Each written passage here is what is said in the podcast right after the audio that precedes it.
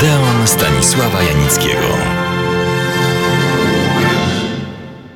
Przed tygodniem opowiedziałem Państwu o prapoczątkach związków jednego z naszych najwybitniejszych polskich kompozytorów muzyki filmowej, którym był Komeda, czyli Krzysztof Trzciński, z współczesnym kinem polskim.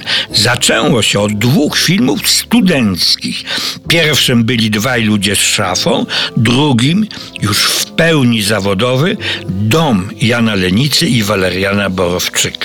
Komeda osiadł w Krakowie. Jednak nie tylko z powodów zawodowych. Oto jak wyglądał ten dzień.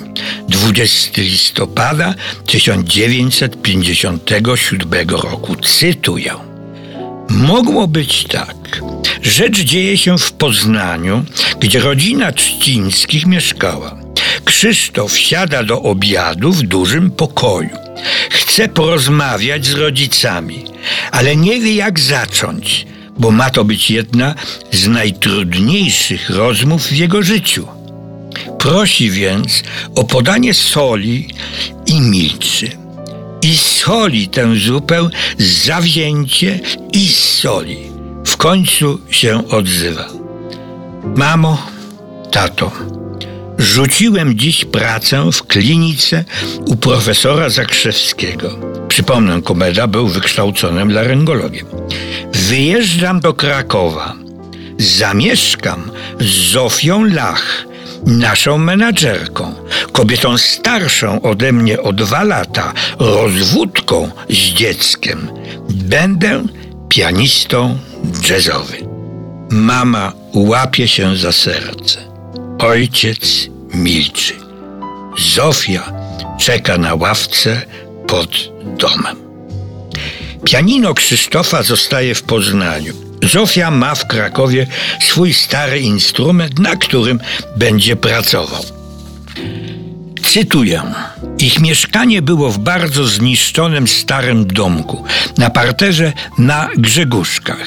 Wchodziło się w dość długą sień, która wiodła na podwórko. W sieni po lewej stronie były drzwi do pokoju Zofii i Krzysztofa. Całe to mieszkanko mogło mieć najwyżej 30 metrów kwadratowych. Ubikacja była w korytarzu. Piotr Skrzynecki, współzałożyciel, dusza i serce piwnicy pod baranami, wspominał.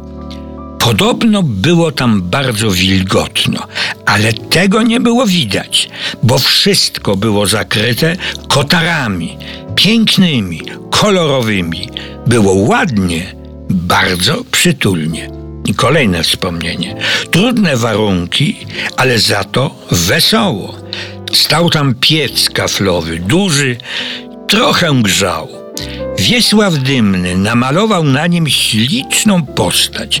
Z jednej strony pieca widać było, jak ktoś stoi tyłem i siusia. Za z drugiej strony można było zobaczyć dokładnie jak i czym. Krzysztof i Zofia byli biedni. Komeda powie po kilku latach o przeprowadzce do Krakowa. Przez pierwsze dwa lata uczciwie biedowałem. A komeda mógłby przecież zarabiać, grając w lokalach popularne przeboje, ale nie chce tego robić. Nie mają pieniędzy, nawet na tramwaj, więc chodzą piechotą. Ale Kraków był wtedy centrum, stolicą jazzu. Nawet popularne szlagiery grali jazzmeni z improwizacjami, a ludzie szaleli. I jeszcze coś. Jazzmeni byli wtedy idolami mody. Oto charakterystyczne wspomnienie. Jak Trzaskowski, według Encyklopedii Muzyki Rozrywkowej wybitny polski kompozytor, muzykolog, pianista jazzowy i dyrygent, pedagog i publicysta muzyczny. Więc jak Trzaskowski szedł przez rynek krakowski w krótkim czarnym płaszczyku do kolan i aksamitnym berecie, to za chwilę połowa Krakowa tak się nosiła. I do tego buty w szpic Wpływ ówczesnych muzyków jazzowych na aktualną modę widoczny był najlepiej i najpełniej na głośnych i popularnych imprezach jazzowych. A taką najważniejszą były festiwale jazzowe w Sopocie. Oto fragment sprawozdania jednego z nich.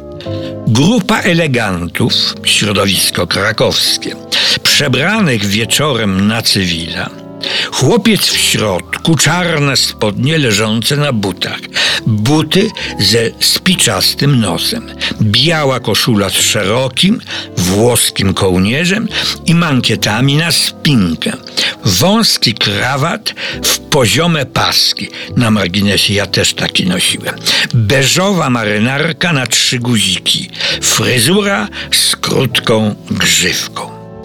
A co komeda? Oto wspomnienie naocznego świadka. Kraków, piwnica pod baranami. Krzysztof przychodził tam ćwiczyć. Pamiętam taki wieczór, że wszedł komeda, zaczął grać około ósmej. Przyszła pierwsza w nocy. Grał, druga w nocy, wciąż grał. Ludzie porozchodzili się do domów. Ja też. Przychodzę następnego dnia po południu, a tam komeda gra. Okazało się, że w ogóle nie poszedł do domu.